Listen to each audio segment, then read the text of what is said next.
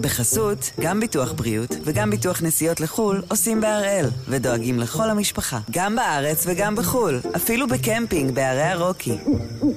כן, גם שם, כפוף לתנאי הפוליסה וסייגיה ולהנחיות החיתום של החברה. היום יום ראשון, שישה באוגוסט, ואנחנו אחד ביום, מבית N12.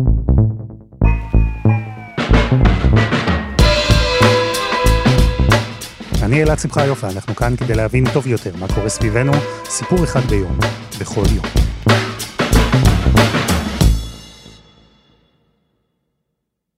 מה שקורה בברנז'ה שלי זה שאנחנו נמצאים במקום שלא כל כך מוכר לנו. אנחנו רגילים ביום יום לשבת במעבדה, לבצע את המחקר שלנו, לנתח אותו מאוד מאוד ביסודיות ולנסות לפרסם אותו בכתבי עת מדעיים. אני מבחינה אישית לא רגיל לעקוב אחרי מדע ככה, אני, אני, פותח, אני פותח את הארכיב כל יום, כי שם מתגלים, שם מפורסמים מעברים חדשים, אבל אם יש מאמר שמעניין אותי, הרבה פעמים אני פשוט אחכה חודש ואקרא אותו אחר כך, אני חייב להגיד לך שאני לא כל כך בנוי נפשית לשבת ולקרוא מאמר מיד. היו קטעים בשיחה שלי עם פרופסור הדר שטיינברג שממש הצחיקו אותי. הוא מדען, מומחה לפיזיקה של על מוליכים ממכון רקח לפיזיקה באוניברסיטה העברית בירושלים. הוא רגיל לקצב עבודה של מדען, הוא רגיל לצרוך מידע ולפרסם מידע, כמו מדען. אני, מנגד, עיתונאי, אני רגיל לקצב אחר. אבל בשיחה שלנו, הוא היה נשמע לי לפעמים יותר כמו עיתונאי מאשר פיזיקאי. אתה רוצה לראות מה קרה, לראות מה, מה אמרו, זה פשוט פחות או יותר כמו לעקוב אחרי החדשות בישראל, שכל שעה קורה משהו, ואתה עוקב אחרי, מרפרש את הטוויטר שלך כדי לראות מה אמר הפוליטיקאי הזה, או מה קרה במקום ההוא, ועכשיו אנחנו עושים את זה במדע. הסיבה שהוא ככה, שהוא הפך להיות איש כזה שמרפרש בטירוף אתר של טיוטות מחקרים, הסיבה שהוא נכנס לטוויטר ושותה בצמא שרשורים של פיזיקאים בינלאומיים, הסיבה שהוא מצא את עצמו פועל בקצב של עיתונאי ולא של מדען, היא שתי טיוטות של מחקר שפורסמו לפני קצת יותר משבוע. שתי טיוטות שטוענות שהתגלה מוליך על בטמפרטורת חדר. זה בסדר גמור אם זה לא אומר לכם כלום, גם לי זה לא אמר, אבל זה ממש big deal, ממש. שיהיה ברור, אם זה אמיתי זה פרס נובל, אבל זה לא סתם פרס נובל, זה אחד הפרסי נובל הכי חשובים שהיו אה, בעשורים האחרונים, כן? זאת אומרת, אה, אנחנו ב- בליגה של מעבר לפרס נובל מבחינת המשמעות של התוצאה הזו, כן?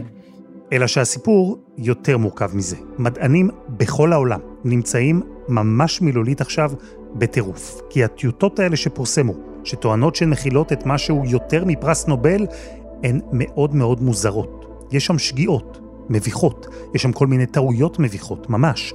ובעולם תוהים, האם זו פריצת הדרך הגדולה במדע בעשרות השנים האחרונות, או אולי הפדיחה הגדולה במדע בעשרות השנים האחרונות. אז הפעם אנחנו עם LK99, החומר שאולי ישנה את העולם.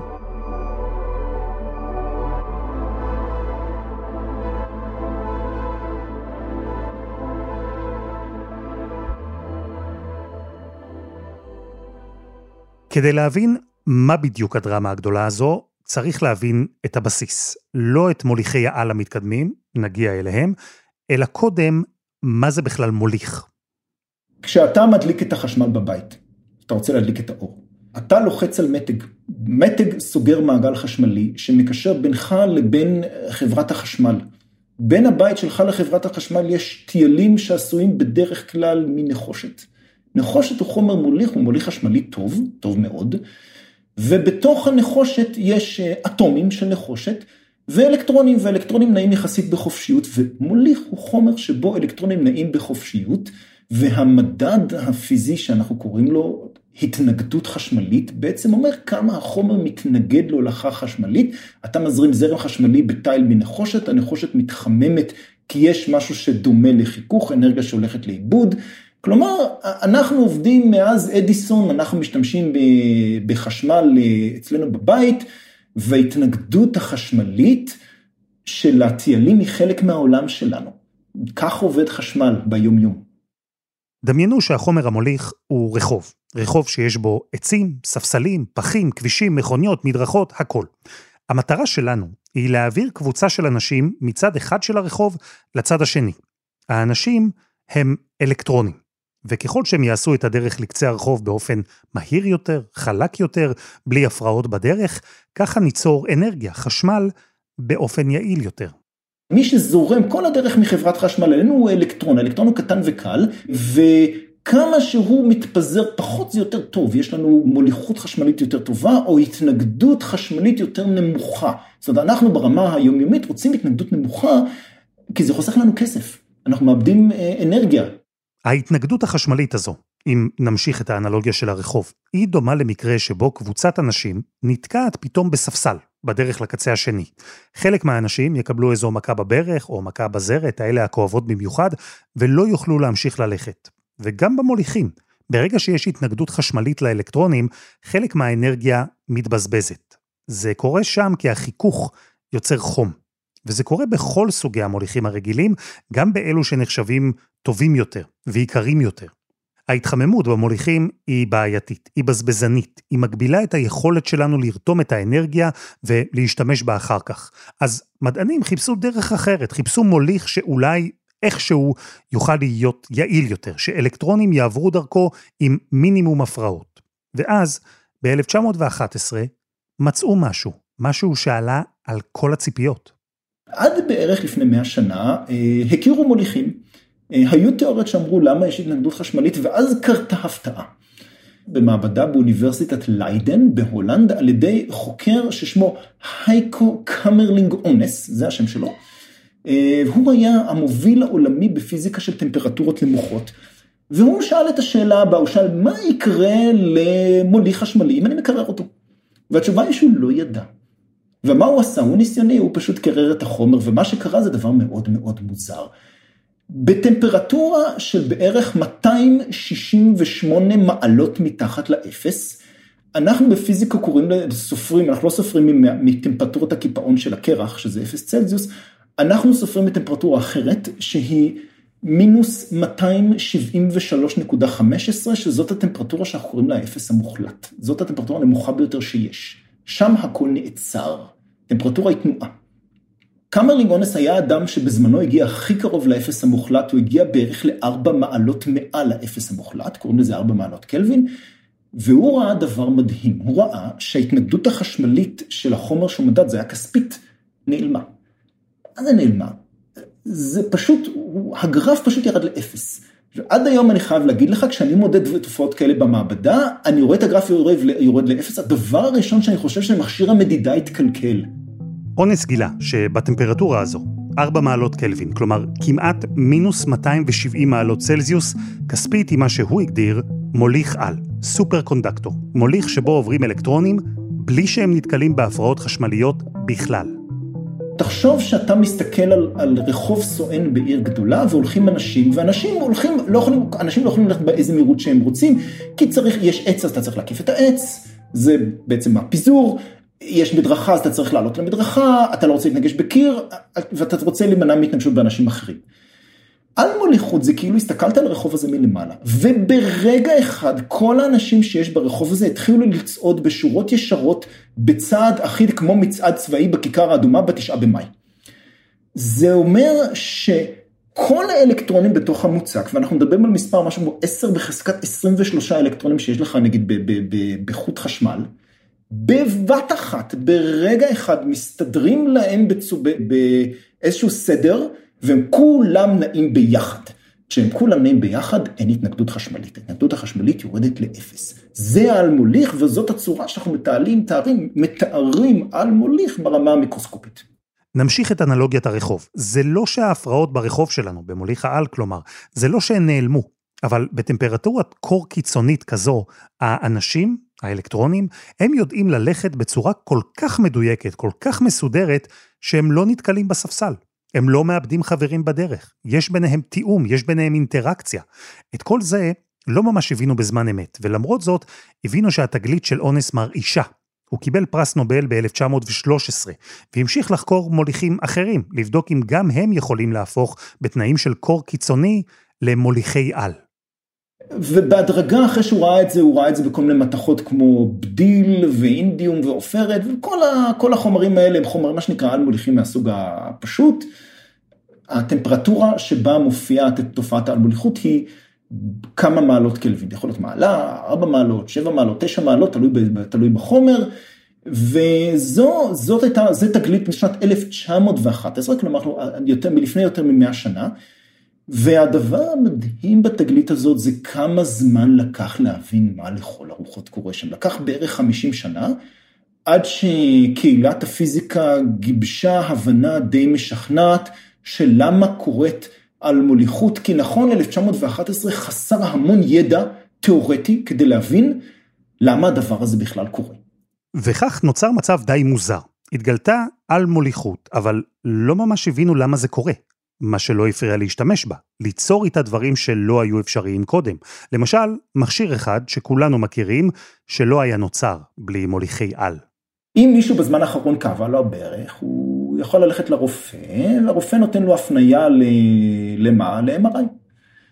אז אה, קיבלת הפנייה ל-MRI, מה אתה עושה? בדרך כלל הדבר הראשון שאתה עושה זה לחכות. כי אין הרבה MRI, ה-MRI מאוד יקרים. יש מעט MRI בארץ, והסיבה שהם כל כך יקרים, זה שהרכיב היקר ביותר ב-MRI הוא המגנט. MRI עובד בשדה מגנטי מאוד גדול. אותו אדם שהלך ל-MRI, הוא נשכב בתוך מין מנהרה כזאתי, הוא לא יודע את זה, אבל הוא נשכב בתוך מיכל של הליום נוזלי, בטמפרטורה של 4 מעלות קלווין, מינוס 269, שבתוך ההליום הזה יש מגנט ענק שיודע לתת שדה מגנטי של 1.5 טסלה, זה שדה מגנטי מאוד מאוד גדול. המגנט הזה הוא על מוליך. למה המגנט הזה הוא על מוליך? כי אם אני רוצה להזרים זרם חשמלי מאוד מאוד גבוה כדי לקבל שדה מגנטי, כך עובד אלקטרומגנט, כדאי לי שלא תהיה לי התנגדות חשמלית.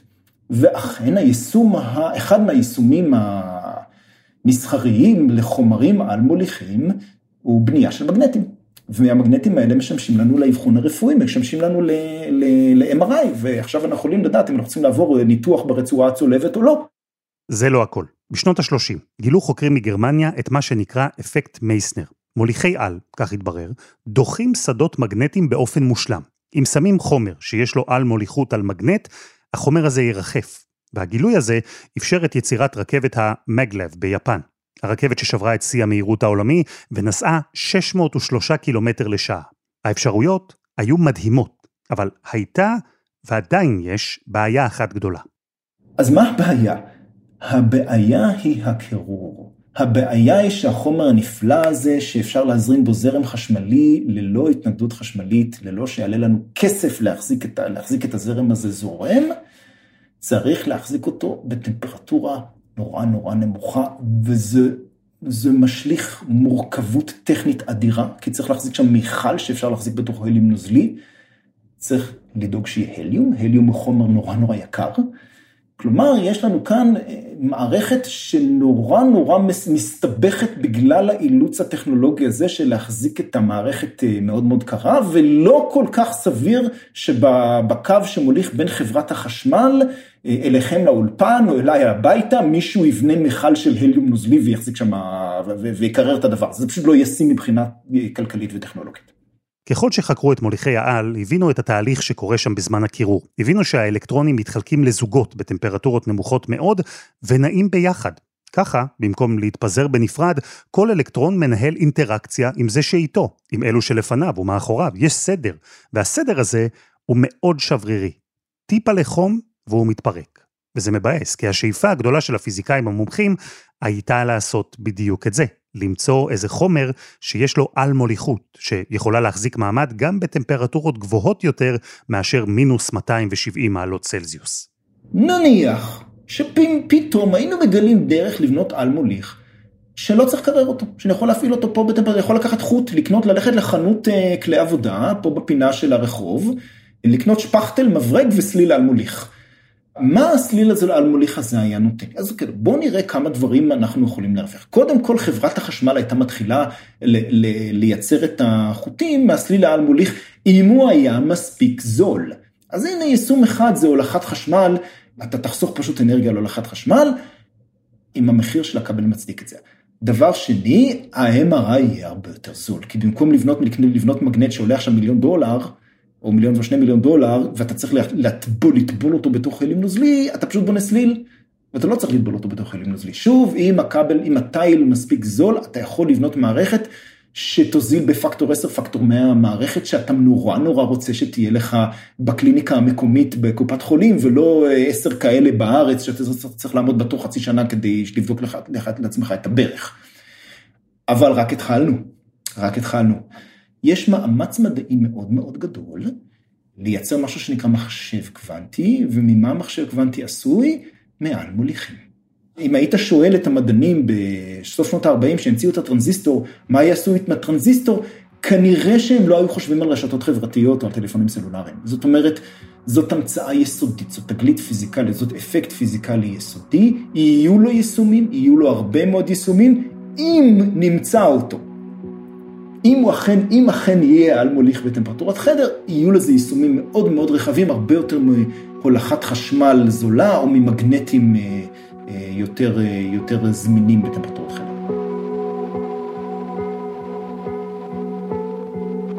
מוליך על בטמפרטורה גבוהה הפך לסוג של גביע קדוש במדע, הדבר שפיזיקאים מאוד רוצים, מאוד מקווים שיימצא, גם אם הם סקפטיים שדבר כזה בכלל יכול להיות. וכשאומרים טמפרטורה גבוהה, מתברר שמה שאתם ואני חושבים, זה לא מה שפיזיקאים מדברים עליו. בסוף שנות ה-80 הייתה תגלית מאוד מאוד חשובה, שנקראת על מוליכים בטמפרטורה גבוהה. כשפיזיקאי של טמפרטורה נמוכה אומר לך טמפרטורה גבוהה, הוא לא מתכוון לטמפרטורת החדר, הוא מתכוון בערך ל-70 קלווין, 100 קלווין, 130 קלווין, כלומר אנחנו מדברים עדיין עדיין על 160 מעלות מתחת לאפס. זאת אומרת, העל מוליך הזמין שאנחנו יכולים להשתמש בו בטמפרטורה הכי גבוהה, עדיין אנחנו מדברים על אזור ה-160 מעלות מתחת לאפס, נכון ללפני שבוע. חסות אחת, וממש מיד חוזרים.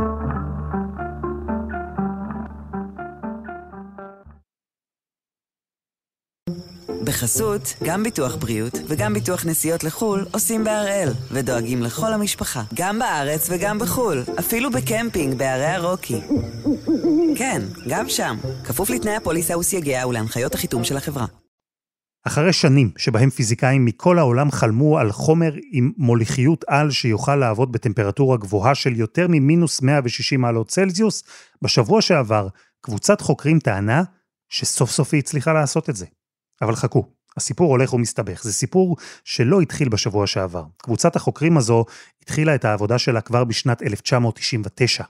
יש כאן קבוצה קוריאנית לא כל כך ידועה, והם uh, מפתחים איזשהו חומר, הם קוראים לו LK99, השם הטכני שלו הוא משהו כמו uh, copper doped lead אפתית, לא כל כך משנה, זה חומר די מורכב, יש בו שכבות שכבות של, uh, של העופרת, והחבר'ה האלה חוקרים את החומר הזה די הרבה שנים, ובגדול הקהילה לא כל כך מכירה את החומר הזה. זאת אומרת, קהילת החומר המעובה עסוקה בלעשות דברים אחרים.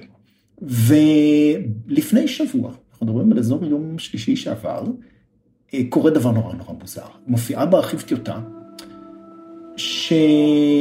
שהכותרת של הטיוטה הייתה First room temperature superconductivity, כשהמילה first מאויתת לא נכון. הם פשוט כתבו כנראה בכזה חיפזון את המאמר הזה, שפשוט הם עשו שגיאות בהקלדה. ועל המקום כולם מתחילים לכתוב אחד לשני, תראו רגע מה עלה בארכייב. ומה שהחבר'ה האלה מעלים במאמר זה גרפים שנראים כמו על מוליכות, כלומר התנגדות חשמלית מאוד נמוכה, ואז קפיצה חדה מאוד בהתנגדות מתחת, מעל לאיזשהו זרם מסוים, שזה מה שעל מוליך אמור לעשות. הם מראים מדידות מגנטיות, יש להם סרטון שמראה לויטציה, הם מראים מדידות כפונקציה של טמפרטורה, ומה עושה מדען? אה, פותח את המאמר ומתחיל לקרוא אותו. מה שאנחנו רואים זה משהו מאוד מאוד מוזר. בוא נגיד, יש כאן סטייה מאוד גדולה מכללי הטקס. אנחנו, זה אנחנו לא הפעם הראשונה שאנחנו רואים ב, בימי חיינו גילוי משמעותי בתחום הפיזיקה. בדרך כלל גילוי כזה יפרסמו אותו בכתב עת אה, יוקרתי, תהיה מסיבת עיתונאים, או שזה יוצג באיזשהו כנס מרכזי שפיזיקאים מכל העולם באים אליו, כמו הכנס המרכזי של האגודה האמריקאית לפיזיקה, שנערך כל חודש בחודש מרץ בארצות הברית, כל שנה בחודש מרץ בארצות הברית. זה, זה הפרוטוקול, אלה כללי הטקס. לא באמצע הלילה מאמר מרושל עם שגיאות באנגלית, עם גרפים שנראה כאילו עשו להם קופי פייסט מתוך איזושהי מצגת, והטקסט מטושטש, משהו נורא נורא מוזר קורה שם. בשלב הראשון הדבר הזה מתקבל בסקפטיות מאוד מאוד אה, גדולה, ויום אחר כך מופיע עוד מאמר, מאותה קבוצה הרכב חוקרים טיפה אחר, שמראה אה, צירוף מקבץ תוצאות טיפה שונה, יותר פוקוס על מה זה החומר, איך הם ייצרו אותו, זה חומר שנראה שדי קל לייצר אותו. לא הבנתי, למה בעצם ראינו שתי טיוטות שהתפרסמו בפרק זמן של כמה שעות אחת מהשנייה? כן, אז הדבר הזה, אז כאן השמועה טוענת שקרתה איזושהי מריבה בתוך, אחת, בתוך הקבוצה. אה, אנשים שגורשו או פרשו מהקבוצה לקחו תוצאות ללא רשות, העלו אותם להרכיב ללא רשות של, של המשתתפים האחרים. יש טענה שקיים אה, מאמר טיפה יותר מסודר שנמצא בשיפוט בכתב עת מדעי, אני מניח בנייצ'ר. אני לא, לא יודע על זה כלום כמובן, אבל אני חי משמועות, אבל הטענה שמה שאנחנו רואים זה כנראה איזושהי מין קבוצה סוררת ש, שלקחה תוצאות, וזה בעצם אומר שאולי יש דברים בגו, זאת אומרת, יש משהו, אולי יש משהו כל כך משמעותי, שמישהו נכנס לפאניקה ו, ולקח תוצאות אה, ללא רשות ו, ועשה איזה פעולה, זאת אומרת, אנשים לא היו עושים את זה אם, היה, אם לא היה פרס מאוד גדול שמונח על אה, כפות המאזניים, גם כלכלי וגם מבחינת כיבודים אה, אקדמיים. תהיו איתי לרגע על השמועות שמאחורי הפרסום, לפני שניגע קצת יותר לעומק במה בעצם פורסם. מי ידע שבעולם הפיזיקה יכול להיות כזה ג'וס שמזכיר טלנובלה. שני החוקרים שהתחילו את המסע הזה לעבר מוליך על הם לי וקים. על שמם נקרא החומר שהם חוקרים. LK, לי וקים, 99, השנה שבה הם התחילו את המחקר. לצוות שלהם הצטרף אחר כך חוקר קוריאני ותיק, ומאוחר יותר חוקר קוריאני אמריקני מוערך. הם, המצטרפים האלה, כנראה במרכזה של מריבה. הקוריאני מיהר לפרסם את הטיוטה שלו ראשון, בלי שהוא יידע את לי וקים. הם גילו את זה אחרי הפרסום, ומיהרו לפרסם את הטיוטה השנייה, יחד עם החוקר האמריקני. הכל קרה בחיפזון עם שגיאות כתיב, עבודה שבאופן כללי נראית ממש לא רצינית. זאת אומרת שמה שלנו שיש לנו כרגע זה שתי טיוטות כתובות בצורה רשלנית ביותר, אני לא ראיתי דבר כזה, זאת אומרת אני חושב ש... יש אנשים שכתבו שדוח מעבדה שנה א' הם היו נותנים לו ציון אה, נכשל אם הוא היה כתוב בצורה כזאת, הגרפים מטושטשים, התוצאות הצירים, בכלל המקרים הם עושים שגיאות בצירי, בצירים, של, בצירים של הגרפים, הסברים תיאורטיקאים, תיאורטיים, הרקע, הרקע המדעי מבולבל לחלוטין, שגיאות באנגלית, הכל, כל טעות, הדבר הזה משדר חיפזון ועבודה מהירה ומאוד מאוד מרושלת. והשמועות אומרות שכנראה יש מאמר מסודר שכן נמצא בשיפוט. טלנובלה, אמרתי לכם. אבל נשים את הרכילות רגע בצד. מה שהחוקרים הקוריאנים טוענים בשתי הטיוטות הוא לא פחות ממדהים. אם אמרנו שעד עכשיו מוליכי על עבדו בטמפרטורה של בין מינוס 160 מעלות למינוס 270 מעלות, וזה הפך את כל התהליך ליקר או מורכב ומסובך, שכולם התפללו לחומר שיעבוד בטמפרטורה מעט יותר גבוהה. אז בטיוטות המרושלות שפורסמו, החוקרים טוענים ש-LK99 הוא מוליך על שעובד בטמפרטורת חדר. יותר מזה, שהוא עמיד גם לטמפרטורות הרבה יותר גבוהות. הם טוענים שהמוליכות על מגיעה למעל 100 מעלות צלזיוס. כלומר זה מוליך על לטענתם ששורד מים רותחים. אני לא מדבר על זה ששורד את, את, את, את האטמוספירה פה בחדר או בתל אביב ביום חם. הם טוענים שאם תכניס את זה למים רותחים זה עדיין יהיה מוליך. זאת אומרת זו טענה שהיא באמת קצת פנטסטית, כן? זאת אומרת אנחנו, חבר'ה אנחנו, אנחנו באים עם מינוס 100, מינוס 160 צלזיוס, אתם לוקחים אותנו ישר למים רותחים, זאת קצת קפיצה, כן? החומר עצמו הוא חומר שהיה מוכר, הם לא המציאו אותו. אה, הם חקרו אותו והם פשוט חקרו אותו לעומק וטוענים שאם הם לוקחים חומר מסוים ומשנים טיפ-טיפה את ההרכב שלו, הוא הופך לעל מוליך. הקטע הוא שהחומר הזה, LK99, הוא חומר די פשוט. אין פה איזו יצירה סופר מורכבת. ואם באמת מה שהחוקרים הקוריאנים טוענים הוא נכון, אז אפשר לדמות את זה לעולם שמנסה לייצר רכבת קיטור, ופתאום מגיעים כמה אנשים ואומרים, אהלן, בדיוק המצאנו חללית. זאת קביצה אדירה. זאת אומרת, אה, אנחנו מדברים פה על פוטנציאל אם ואם ואם, כלומר, אם החומר הזה הוא על מוליך ואם ניתן יהיה לייצר ממנו אה, מוליכים שמישים מבחינה הנדסית, אנחנו נראה קפיצת מדרגה אדירה. אה, תראה, כבר ראינו קפיצות כאלה. האנלוגיה שאוהבים להשוות אליה זו המצאת הטרנזיסטור. בסוף שנות ה-40 הומצא הטרנזיסטור מסיליקון. טרנזיסטור מסיליקון יצר את מהפכת המחשב, את מהפכת המידע, את, מה, את הטלפונים הסלולריים, פשוט היה תשתית למהפכה מדעית שלמה שנמשכת 80 שנה. עכשיו, דמיינו לרגע שאתם פיזיקאים, שאתם פותחים את הארכיב הזה שבדרך כלל מעלים בו טיוטות ראשונות של מחקרים שוליים יחסית, ואתם רואים שם טיוטה עם שגיאות כתיב, שטוענת שיש בה את אחת התגליות החשובות ביותר בעשורים האחרונים. מה אתם עושים?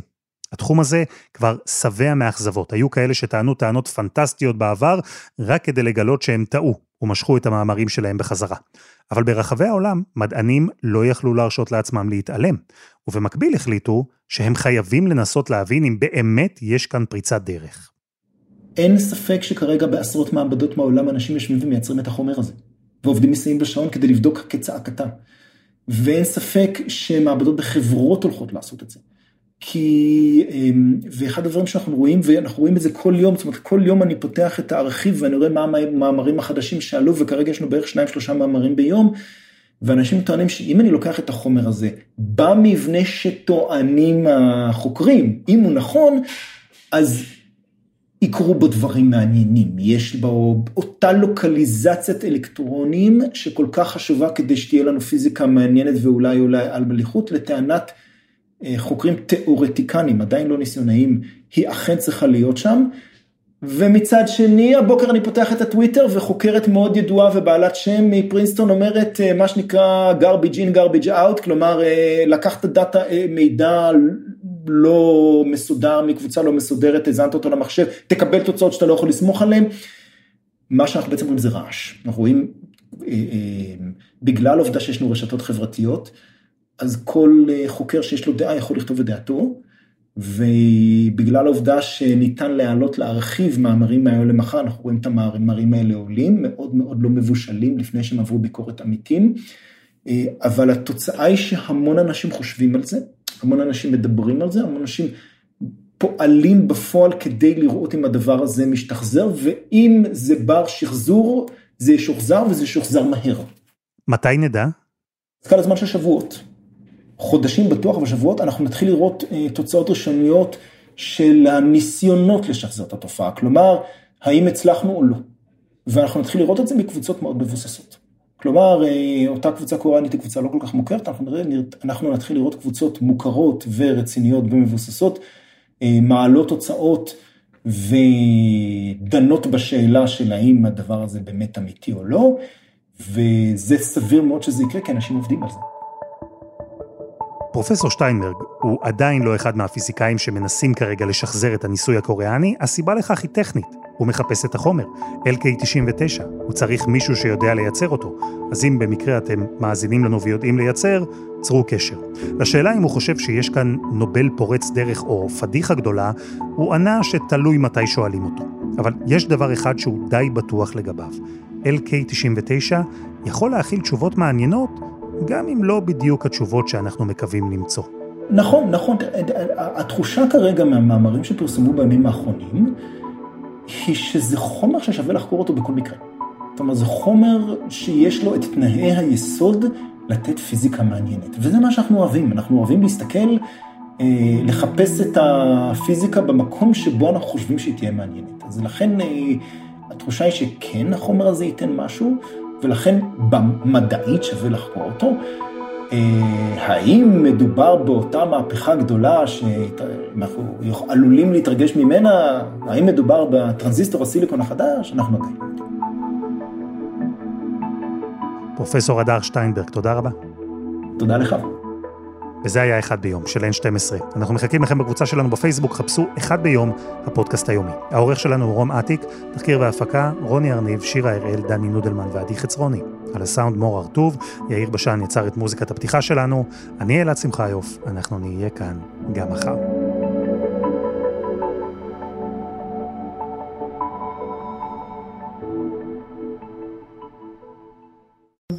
בחסות, גם ביטוח בריאות וגם ביטוח נסיעות לחו"ל עושים בהראל, ודואגים לכל המשפחה, גם בארץ וגם בחו"ל, אפילו בקמפינג בערי הרוקי. כן, גם שם, כפוף לתנאי הפוליסה וסייגיה ולהנחיות החיתום של החברה.